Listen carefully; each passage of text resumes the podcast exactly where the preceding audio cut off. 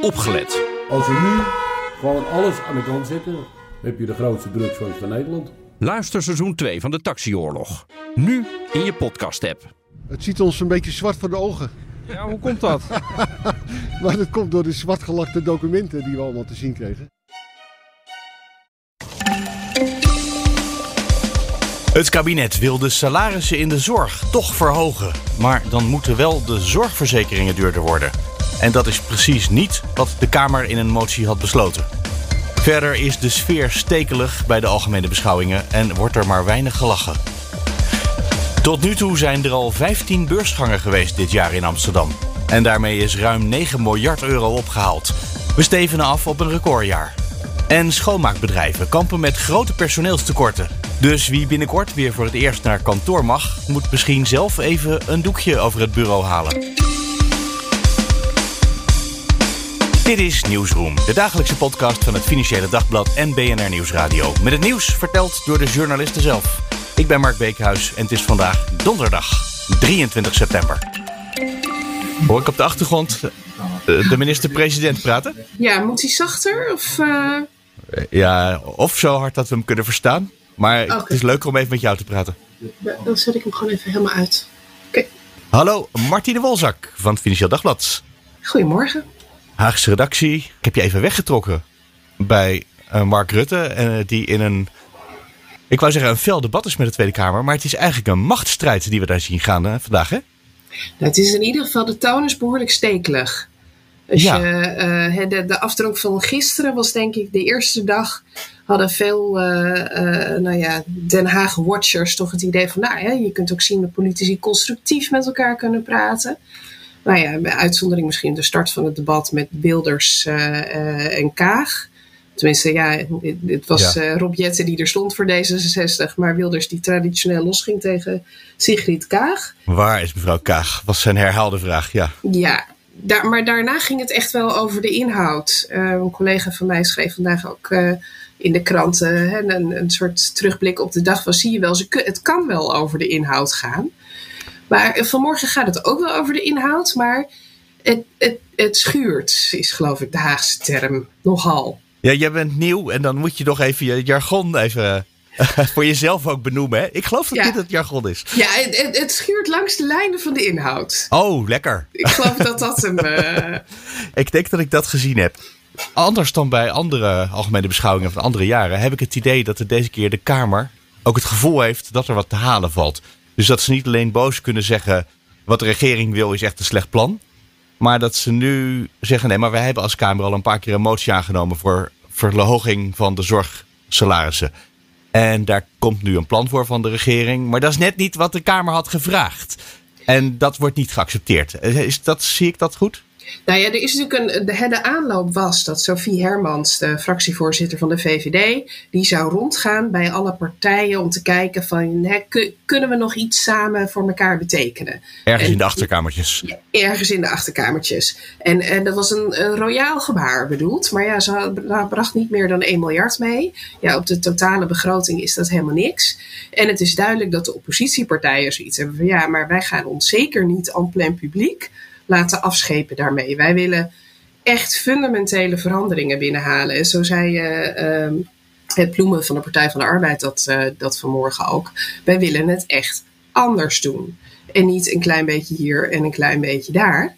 En die strijd, die, die, die speelt zich nu af. En je krijgt het gevoel dat de, de regeringspartijen van het demissionaire kabinet toch de hele tijd proberen die strijd weer een beetje terug te schuiven naar de formatietafel. Van ja, natuurlijk, alles is bespreekbaar en daar willen we over nadenken. En we willen bestuderen, we willen het bekijken.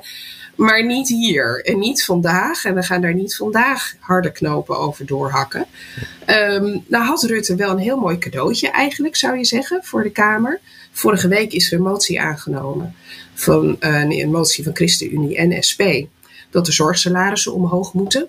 Nou, daar, hing een prijskaartje aan van ongeveer 600 miljoen. En vanochtend kondigde Rutte in, een, uh, in zo'n debatje aan van ja, er kan ieder moment een brief naar de Kamer komen waarin onze reactie in staat op die motie. Nou, die plop, die kwam binnen. 675 miljoen voor zorgsalarissen. Nou, in eerste instantie zou je denken, in de Kamer kan de vlag uit. Want ze hebben wat afgedwongen. Uh, kabinet voert het uit. Werd even doorgelezen. Uh, de zorgpremies moeten omhoog om het te kunnen financieren. Dat is overigens wat het kabinet voortdurend betoogd heeft. En in de motie stond dat de bedrijven dit gingen betalen, hè? De motie stond de winstbelasting moet omhoog om dit te betalen. Nou, dus in plaats van dat het mooi gebaar en we hebben samen iets uh, uh, bereikt, was het meteen, ja, maar dit was niet de bedoeling. U voert de motie helemaal niet uit. Uh, waarop Rutte zei van ja, maar de wet is nou eenmaal zo. Het moet in ieder geval deels uit de zorgpremie komen. Uh, nou, nonsens, vond Klaver. Nou, toen begonnen de emoties dus al een beetje op te lopen. Uh, Klaver van GroenLinks.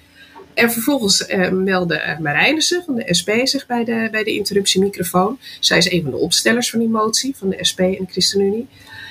En die wilde, die had van ja, maar als wij als Kamer zeggen het moet zo in meerderheid, dan heeft ze het maar uit te voeren. En als daarvoor de wet veranderd moet worden, als het volgens de huidige regels niet mag, dan veranderen we de wet. Maar er is een Kamermeerderheid. Nou, en toen kwam Rutte met de opmerking: ja, het is technisch allemaal heel ingewikkeld. En ik ga dat niet helemaal uitleggen, want dan haken de kijkers bij de live-uitzending af. Serieus? Serieus. En dat schoot inderdaad ook behoorlijk verkeerd bij Marijnissen. Die had echt zoiets wat is dit voor een dédain, was haar woord. Ja, nee, maar echt een misverstand over wat hij aan het doen is. Hij is geen tv-programma aan het maken, dat is premier. Iedereen mag afhaken. Als je, als je het, de oproep van Omtzigt in de afgelopen half jaar hebt gehoord. We moeten als we wetten maken, moeten we die weer regel voor regel gaan doornemen in de Kamer. Want dat doen we op het ogenblik niet meer. Juist om dit soort technische dingen wel helemaal precies te bespreken. Ja, ik denk dat het ontzettend goed is dat er live uitzendingen zijn van dit soort Kamerdebatten. En dat je um, als gewone Nederlander iedereen die er zin in heeft. Ik weet niet of ik het iedereen zou aanbevelen, want het, nou, het gaat, het gaat waarschijnlijk lang. nog heel lang duren vandaag. Gisteren waren ze ook pas diep in de nacht klaar en vandaag zal niet veel beter worden. En ik vind het ook goed als er bijvoorbeeld rekening gehouden wordt met begrijpelijkheid en met, met gewone ja. taal gebruiken. Maar ge geen inhoudelijke antwoord uh, willen geven op een vraag met als argument: dan haken de kijkers thuis af. Dat, dat, dat lijkt mij niet hoe een debat in de Tweede Kamer gevoerd moet worden. Nee. nee. Okay. Overigens hoorde ik de minister wel weer zeggen op een vraag van, uh, van Ploemen. Uh, want die begon het debat helemaal met: ja, maar als wij hier dus vandaag moties gaan aannemen, en dat was nog voor die brief over de zorgsalarissen bekend werd, gaat het kabinet die dan ook echt uitvoeren? Of uh, gaat ja. het ergens in een la en moeten we maar weer wachten op de formatie? En toen zei de premier, en dat, dat bleef bij mij enorm hangen, van ja, als u dat inderdaad in meerderheid als Kamer aanneemt, ja, dan zal het kabinet uh, daar een appreciatie van geven. Denk ik, nou, voor de kijkers thuis weet ik niet of dat nou zo'n helder antwoord is. Nee. Uh, dat is een talent van Mark Rutte, heb ik van Laurens Boven geleerd. Dat hij, als hij helder wil zijn, dat iedereen het snapt, helder kan praten. En dat als het niet de bedoeling is, dat iedereen het door heeft. Ja, ja dat hij dan de zinnen zo kan zeggen. Van BNR ja, bedoel precies, je? Ja, ja oud-correspondent van uh, BNR. ja. Ik zeg correspondent, dat was hij ook nog in Duitsland. Maar ik bedoel natuurlijk uh, Haagse verslaggever. Ja. ja. Dat, dat had ik eigenlijk niet zo door. Maar sinds ik weet dat hij dat talent heeft, herken ik het. En dit is een heel mooi voorbeeld daarvan. Nou, ik, ik, ik volg hem dus nog niet zo lang. Um, het, het viel mij meteen aan het begin van het debat op. Dat ik dacht van, ja, appreciatie. Wat, ik, iedereen in Den Haag zal snappen wat ermee bedoeld wordt. Ja. Um, maar niemand daarbuiten, toch? Denk ik. Ik denk dat iedereen daarbuiten denkt, nou, ik weet niet of het doorgaat. Dat is ook precies wat het betekent. Dat is, het, ja, ja. Dat, dat is het. Ik denk dat iedereen het eigenlijk toch snapt. maar niet zoals het bedoeld was. Maar dat was niet bepaald een helder antwoord. En het heldere antwoord op uh, de vraag van, uh, van Marijnissen is er dus ook nog niet gekomen. Hoewel de premier later dan wel een beetje leek bij te draaien. Van nou, hè, als de Kamer dat dan, uh, dan per se wil, dan gaan we nog eens heel goed kijken wat er mogelijk is. Maar ja, dat is, eigenlijk is dat weer een andere manier om te zeggen: we gaan onze appreciatie eraan geven. Kijk, de Kamer wilde het dus financieren uit de winstbelasting. Winstbelasting voor grote bedrijven. Dat werd er ook echt nog door Marijnse heel nadrukkelijk bij gezegd. Het gaat niet om de MKB'ers. Grote bedrijven, die, die moeten meer gaan betalen.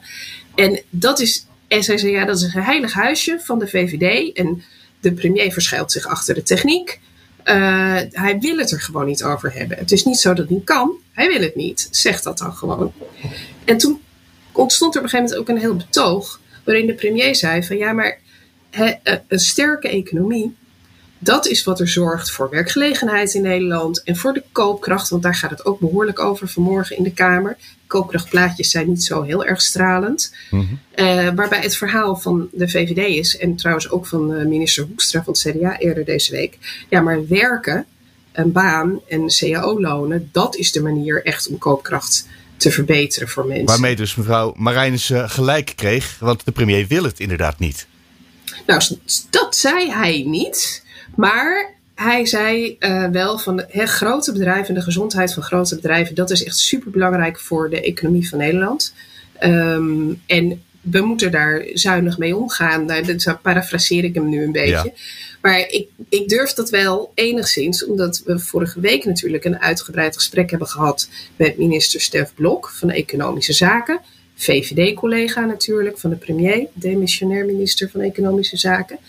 Die in het FD echt een lans brak voor het grote bedrijfsleven. En wilde zeggen van ja, het, het, het klimaat tegen grote bedrijven is guur aan het worden. Nou, ik denk dat dit een goed voorbeeld was van wat bij de VVD wordt ervaren als een groot als een onguur klimaat voor grote bedrijven. Dat iedere wens van de Tweede Kamer. Ja, dan, nou, nou chargeer ik, hè, maar dat is in ieder geval een deel van de Kamer dat dan heel graag wil roepen: ja, laat grote bedrijven het maar betalen met de winstbelasting. Ja, dus waar de VVD het al guur begint te vinden, zegt de SP waarschijnlijk: het is een frisse wind. Ja, ja, dat is ja, het. ja. Nou, dat is een politiek debat. Ja, nou, dat, is op zich goed dat ze er een uh, debat hebben. Nog iets anders, waar het gisteren ook uitgebreid over ging, en dat komt vast vandaag ook nog uitgebreid uh, te sprake: de verhuurdersheffing voor de woningcorporaties die voor elk huis dat ze verhuren redelijk veel belasting betalen. Ja. Is dat iets wat nu ook gaat schuiven? Want daar wilde dus uh, het grootste deel van de Tweede Kamer wil daar gewoon überhaupt vanaf. De VVD uh, bij monden van Sofie Hermans zei: U kan kiezen. Ik heb twee opties voor u. Uh, we doen niks of we doen een heel klein stapje. Ze zei het bijna letterlijk. Is dat iets wat vandaag een klein stapje kan blijven? Of is dat iets wat misschien toch gewoon ook er doorheen gedrukt wordt door de rest van de Kamer? Nou ja, dat, dat moeten we de komende uren gaan zien. Daar, daar is het vanmorgen nog niet over gegaan. Uh, het is wel duidelijk dat, dat de VVD probeert nog een beetje, uh, ja, hoe noem je dat? Uh, het, het, wenslijstje enigszins beperkt te houden. Uh, want, en vooral ook, wat ik eerder ook zei, dat wenslijstje weer richting formatietafel te schuiven. Want als je nu alles al weggeeft in de algemene politieke beschouwingen, ja, waar heb je dan nog over te onderhandelen aan de formatietafel? Ja, dat maakt de onderhandelingen simpeler, toch? Als je dat allemaal al opgelost hebt, weggeruimd hebt. Ja, zo zou je dat ook kunnen zien. Ehm, of je kan er niks meer voor terugvragen. Ja, en vanuit de Kamer is het dan weer van ja, maar daar hebben we zes maanden de tijd voor gehad. Uh, en dat heeft nog niet zoveel opgeleverd. Uh, waardoor overigens uh, Farid Azarkan van Denken riep van premier Rutte: waarom bent u er eigenlijk nog? Moet u niet gewoon weg en plek maken? Had hij daar een antwoord op? nou, zijn antwoord was: ik heb de verkiezingen gewonnen met de VVD. Uh, nou, hij zei het subtieler. Hij zei: Mijn partij is de grootste geworden tijdens de, uh, de verkiezingen een half jaar geleden. En uh, hij ziet het als zijn taak om verantwoordelijk met die uitslag om te gaan. Maar serieus, dat het debat begint met de vraag: Meneer de minister-president, u bent wel demissionair, maar waarom bent u hier in hemelsnaam nog? Het best een directe vraag. Ik vond het een hele directe vraag. Hij werd wel uh, goed ingeleid door uh, onder andere Geert Wilders. Die ook nou ja, meteen begon met uh, schrijf nou maar nieuwe verkiezingen uit. Ja, maar dat heeft hij al zo vaak gezegd. Ja, heb ik wel gescript. Ja, ja. dus Denken die ging nog even een stapje eroverheen. Je zei net al, het is een beetje stekelig allemaal. Is de sfeer toch wel gezellig? Wordt er gelachen nog tussendoor? Want dat, soms gebeurt dat toch. Ik heb ze daar vandaag nog niet op kunnen betrappen. Maar uh, dat, uh, misschien heb ik een grapje gemist. Dat kan ik uh, niet uitsluiten. Ja, maar nee, terwijl wij ik, zitten ik, praten, komt er wel één grap voorbij op Twitter in heel veel versies. Ja, maar ik heb al mijn aandacht bij jou, Mark. Dat ja, ja, ja. Terwijl jij praat, denk ik. Ik kijk af en toe heel eventjes in de timeline of er iets is wat we nog per se zouden moeten bespreken. En daar komt voorbij dat meneer Klaver zegt: Ja, ik zou natuurlijk het liefst alle problemen van het kabinet gewoon in de schoenen van meneer Koolmees schuiven. Maar dat kan natuurlijk niet, waarop dan Rutte zou geantwoord hebben: Oh, dat doe ik al jaren. Ik kan me voorstellen dat daar wel een paar lachers. Uh, en ik denk dat er een kern van waarheid in zit ook. Ik, ik denk, nou ja, en ik denk dat er misschien nog wel een paar mensen zijn die denken: Oh, ik dacht dat ik degene was die alle problemen in de schoenen kreeg. oh, dat kan ook nog. Ah, fijn. We gaan nog even door naar de rest van de dag. Want de nacht is nog jong. Het is, uh, als we dit opnemen, kwart voor twaalf ongeveer. En met een beetje geluk zijn ze om kwart voor twaalf vanavond klaar, hè? Maar waarschijnlijk later. Het, uh, met 19 uh, fracties in de, in de Tweede Kamer is de kans dat dit een latertje gaat worden opnieuw heel erg groot. Ja. Nou, sterkte. Dankjewel. Bartje de Wolzak van het FD, dankjewel. Misschien wil je reageren, dat kan elke dag. Mail daarvoor naar nieuwsroom.fd.nl of nieuwsroom.bnr.nl. En dan pak ik er even de mail van Anton bij, een trouwe luisteraar, die deze keer een mailtje van zijn vrouw doorstuurt. Want zijn echtgenote schrijft limericks. Namelijk deze. Den Haag. In Den Haag is de vraag: wie met wie? Alleen met die, of al dan niet met Sigrid Kaag. Wat ik echt een prachtige samenvatting vind van hoe het er op het ogenblik voor staat. Rond het of B67.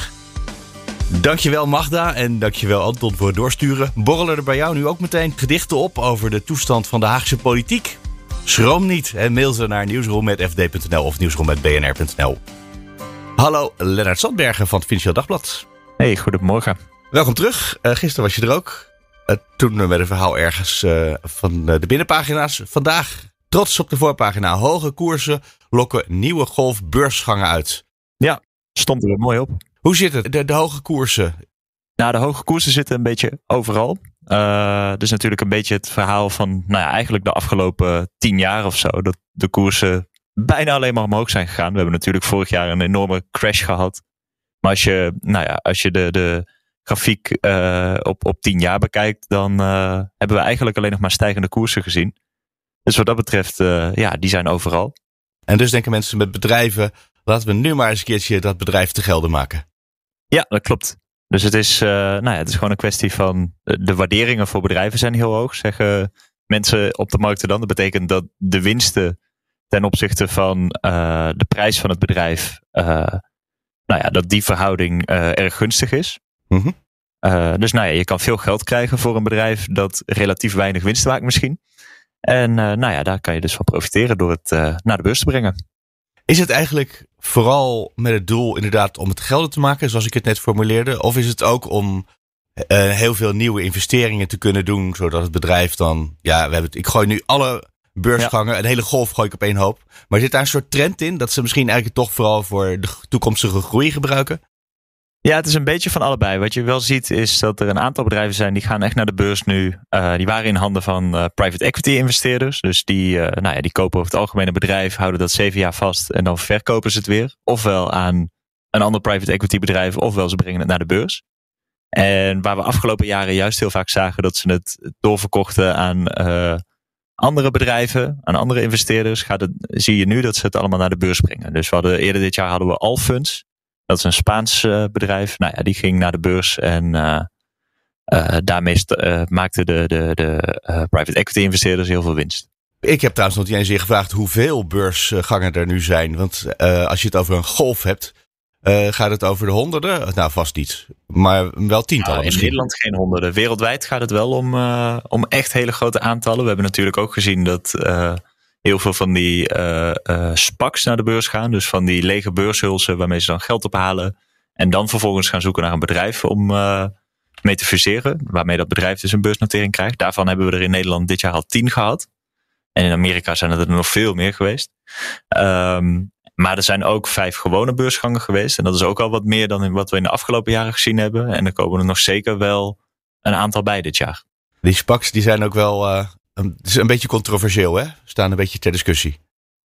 Ja, een beetje wel. Maar uh, tegelijkertijd, het is wel een manier om uh, geld op te halen met een beursgang. En dat zie je wel. Dus ik pak nog even het uh, grafiekje erbij wat bij het artikel staat wat jullie gemaakt hebben. Ja. We moeten terug naar 1998 om nog meer beursgangen te hebben dan we, nou ja, dit jaar tot nu toe in elk geval hebben. Ja, 20 klopt. waren het er toen. Ja. ja, dit jaar hebben we er al 15. En is het ook nog eens zo dat we er heel veel geld mee, uh, dat die bedrijven daar heel veel geld mee ophalen.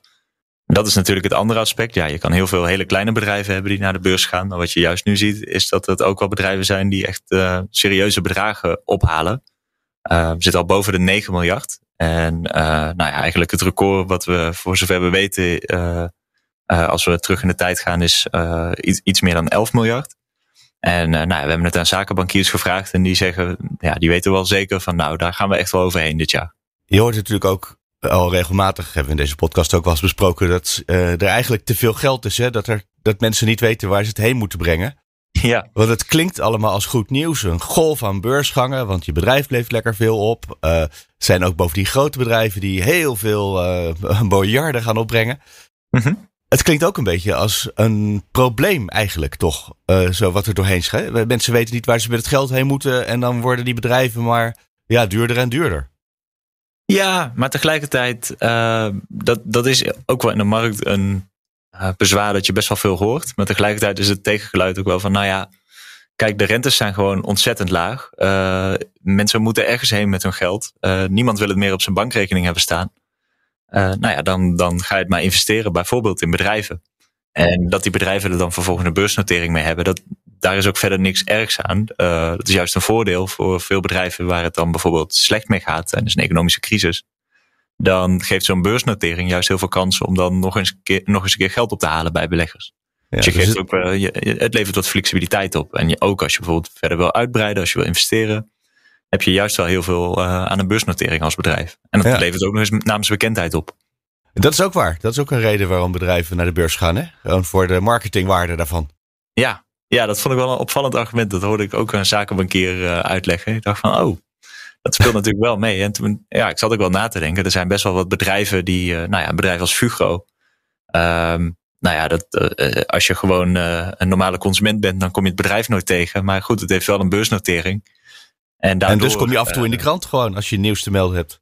Precies, ja. Ja, en dan lezen mensen over je. Ja. Wat doet Fugro ook weer? Was dat uh, bodemonderzoeker? Die uh, ja. gas die en dat soort zaken uit zeebodems. Ja, dat was zeebodems, het. ja. Iemand moet het doen.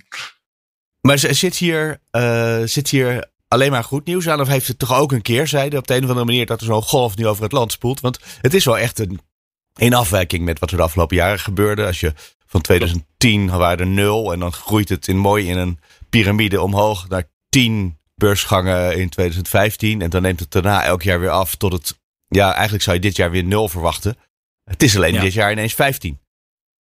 Ja, klopt. Ja, die beursgangen gaan altijd een beetje in golfbewegingen. Wat je vaak ziet is dat... Uh, nou ja, je, het kost ook gewoon heel veel tijd om een bedrijf naar de beurs te brengen. En dan wil je wel zeker weten dat als je gaat, dat het dan ook goed gaat. Ja. Dus uh, en, wanneer breng je het bedrijf het liefst naar de beurs? Als het goed gaat met de wereldeconomie, als iedereen optimistisch is. Als er eigenlijk niks aan de hand is, geen volkje aan de lucht. Want nou ja, als zo'n beursgang mislukt, dat is echt enorm slechte, uh, slecht nieuws voor je bedrijf. Uh, slechte reputatierisico's. Nou ja, dat is alles wat je niet wil. dus nou ja, dat zie je aan de ene kant. Dus het is wel logisch dat als er veel beursgangen gaan, dat ze dan allemaal een beetje tegelijk gaan. Ja, ik zie een soort cyclus, een korte cyclus van de golven van de economie, zie ik terug in het grafiekje. Ja, eigenlijk wel inderdaad. Ja, ja. ja daarom ook, uh, ja, zo na de kredietcrisis uh, lag het helemaal stil. En uh, in de jaren voorafgaand aan de kredietcrisis was het juist erg druk. Maar het is ja. natuurlijk ook wel een beetje, en dat, dat geluid hoor je ook wel als je met mensen praat, is van ja, het is wel een beetje een teken van dat de markt wel een beetje op zijn top is. En dat kan het natuurlijk ook zijn dat bedrijven denken van nou ja, kijk, nu kunnen we nog lekker veel geld verdienen als we ons bedrijf naar de beurs gaan. Dan kunnen we veel geld ophalen. En wie weet waar uh, de wereld over drie maanden is en hoe de markt er dan voor staat. Dus laten we het nu maar doen. Maar dat is misschien wel de haast, omdat het nu weer met China en Australië, met die duikboten ineens weer een beetje begint op te laaien. Uh, ja. Dat mensen denken, onzekere tijden. Ja, precies. Nou ja, je, ja. en als je, je weet nu waar je aan toe bent en je weet niet waar je over drie maanden aan toe bent. Ik vroeg, zitten er positieve en negatieve kanten aan? Maar eigenlijk is het andersom. Dit is de reflectie van positieve en negatieve ontwikkelingen in de wereld die spiegelen zich hierin. Ja, klopt. Hartstikke goed. Had ook een prachtige kop in gezeten natuurlijk. Over hoe de beursgangen een spiegel zijn voor... van de ziel van de belegger. Precies, of uh, ja, nou, maar dit is de voorpagina. Goede kans dat je er binnenkort weer zo'n verdiepend artikel van twee pagina's, uh, zo'n spread uh, vol over moet typen. Kijk. Nou, dan hebben we deze gedachte toch maar vast even. Ja, en alle luisteraars van Nieuwsroom zullen hem herkennen. Exact. Lennart Zandbergen, dankjewel. Hey, graag gedaan.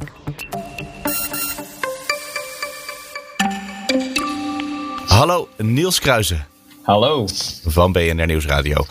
Uh, we gaan het hebben over het tekort aan schoonmaakpersoneel. Dat is natuurlijk iets wat bij een heel aantal sectoren zo aan het eind van de coronacrisis. Nou, daar gaan we maar even vanuit dat we daar zitten aan het eind. Uh, als je naar de kroeg gaat, hangt daar vaak ook op de deur tegenwoordig een briefje. Wij zoeken personeel. Uh, maar in de schoonmaak is dat kennelijk ook echt een issue op het ogenblik. Ja, klopt. Uh, inderdaad, ook bij heel veel bedrijven op het moment is er een, is er een groot personeelstekort. Uh, het ding is bij de schoonmaakbedrijven, uh, het was al voor corona best wel een groot probleem. Ze kregen maar geen mensen, ze konden niemand aannemen. Wat opmerkelijk is, ga je de coronacrisis door, kom je erachter dat er een nog groter tekort is. Um, heel veel mensen zijn bijvoorbeeld nog meer weggegaan. Bijvoorbeeld bij de GGP's, daar was heel veel werk op het moment. Um, en ja, ze krijgen die mensen niet meer terug. Ik kan me wel voorstellen. Uh, het lijkt mij niet per se aanlokkelijk om in de schoonmaak te gaan werken. Het, het gekke is zelfs dat uh, de, de schoonmaak betaalt eigenlijk nog beter dan, uh, dan bijvoorbeeld vakken vullen of horeca. Uh, maar inderdaad, ja, er blijven heel veel mensen gewoon weg. Uh, zelfs zo erg dat, dat er gewoon bedrijven zeggen van ja, we, we moeten kiezen tussen de klussen. We kunnen niet meer alles aannemen. We hebben gewoon de mensen er niet meer voor. Dus de mensen die straks naar kantoor teruggaan volgende week, als dat weer de bedoeling is, ja. die vinden niet allemaal een schoon bureau. Ja, die kans is, uh, die kans is aanwezig. Het Of kan zijn dat inderdaad... doen. De andere ja. optie natuurlijk, ja. ja, dat ze het zelf moeten gaan doen. Uh, je zegt al, ze verdienen eigenlijk beter, de mensen die daar werken. Dus weten die schoonmaakbedrijven waar het dan misgaat? Want ze, ze, zouden, ze denken kennelijk dat ze aantrekkelijk zijn. Ja, precies. Ja, schoonmaken is natuurlijk wel gewoon een, een klusje op zich. Uh, vakken vullen bijvoorbeeld. Ja, dat is vakken vullen. Schoonmaken is vaak andermans troep opruimen. Dat is wat minder aantrekkelijk. Uh, Ja. Het vak zelf kan ik me wel, kan ik me wel iets bij voorstellen. Uh, maar het zou dus beter betalen. Ze zeggen ook van ja, de prijzen gaan nu ook gewoon omhoog. Uh, moeten de mensen beter gaan betalen. Dat zou een van de oplossingen kunnen zijn. Maar alsnog uh, weinig markt ervoor. Mensen, Ja. mensen, mensen, mensen happen niet. Nee, ik, nou, de dingen die ik wel gehoord heb is onder andere over de werkdruk. Hè, dat, je, dat er dan staat dat je Ja. in 2 minuten 46 seconden mag doen over het schoonmaken van Ja. dit toilet. En dat hiernaast is een invalide toilet. En daar mag je dan 2 minuten 48 over doen. Ja, En als precies. je op die manier moet werken, dat, ja, daar moet wel een serieus salaris tegenover staan. Wil dat leuk worden? Ja, precies. Ja, de, de werkdruk is ook hoog. Zeker ook nu de tekorten de, de, de, erin knallen. Uh, het wordt alleen maar zwaarder. Die eh, bedrijven uit de schoonmaakbranche, hebben die een idee hoe het aangepakt zou kunnen worden? Want ik neem aan dat die uh, niet berusten in de gedachte, ja sorry, we kunnen niet meer alle klussen aannemen. Ja, precies. Nee, ja, ze, ze zijn dus inderdaad bezig om bijvoorbeeld uh, de arbeidsomstandigheden beter te maken. Mm-hmm. Nog Eh, betere be- betaling of andere zaken. Ook, ja. Maar dat bijvoorbeeld ook het werk makkelijker wordt. Een vorm van automatisering. Schoonmaken is natuurlijk fysiek best wel, st- best wel zwaar. Ehm, dus ze, ze gaan op een manier kijken dat ze eh, ervoor kunnen zorgen dat mensen langer kunnen werken. eh, makkelijker, prettiger. Ehm, en ze, volgens mij keken ze ook een beetje naar de politiek. Ja. Ja, bijvoorbeeld kinderopvang is niet meer gratis. En eh 75% van, eh, van die branchemarkt qua werknemers is vrouwelijk. Dus vaak moeten de vrouwen die blijven dan thuis om op de kinderen te passen, was, eh, was hun antwoord. Eh, en eh, ja, dat zorgt ervoor dat zij natuurlijk ook een grote markt mislopen daarin. Maar dan zou dus de, de overheid iets moeten doen. Nou, we hebben op het ogenblik de algemene beschouwingen die gaan zijn. Daar heb ik Ja. dit niet in, in, voorbij horen komen nog, tot nu toe. Nee, precies. Nee. Het, het zijn inderdaad oplossingen. Het klonk voor mij echt als van echt, echt een noodkreet. Van help, we moeten iets. De, de opties zijn een beetje op. Er is echt geen uitweg. Hè? Ik bedoel, als ik het zo hoor, de regering is er nog niet mee bezig. De Tweede Kamer heb ik er niet over gehoord. Ja. Ze zijn misschien met hun lobby, hebben toen de oproep als branchevereniging ook net een klein beetje te laat om de politiek voor het komend jaar nog in beweging te krijgen. Ja. Maar dan, ja, dan is het gewoon, het zit vast. En het is wel een probleem. Want er zijn natuurlijk ook bedrijven die, uh, nou je zal maar een clean room hebben. Ja. Daar zit het eigenlijk al een beetje in de naam van wat je bedrijf doet. Precies. Waarschijnlijk iets high-tech. Ja. Uh, maar dat moet natuurlijk ook schoongemaakt worden om het een clean room te laten blijven. Ja, precies. Ja, die de, tekorten, de, de oplossing is er nog niet echt voor. Ze zijn hard aan het werk, uh, vertelden ze, om nou echt met iets te komen. Uh, ze focussen nu ook gewoon meer op het werven van uh, personeel dan op klussen zelf. Ja. Dus het is echt een gigantisch probleem wat, wat ze graag willen oplossen. Maar ja, het is lastig als je de markt niet kan bereiken. Ja, ik zit nog te denken, als ik even met ze meedenk. Ik heb nog niet van die bushalte reclames voorbij zien flitsen. Waarop, uh, ja, precies. Hè, uh, waarop wordt opgeroepen om nu in deze geweldige, schone branche te gaan werken. Ja, ja eigenlijk adverteren, ga ervoor. Ja, of bij BNR op radio of uh, ja, sponsoren van deze ja, podcast. Er zijn zoveel kansen. Ja, er ligt genoeg. Het uh, moet alleen gebeuren. Ze moeten even als branche aan de slag om te gaan bedenken wat ze gaan doen. Nou ja, het eerste, de eerste aandacht hebben ze in ieder geval via de journalistiek nu bereikt. En dat is gratis als dit Precies. deels. Ja, Ja, Niels Kruijzen, dankjewel. dankjewel. En daarmee komen we aan het einde voor vandaag. De show notes vind je op bnr.nl slash nieuwsroom.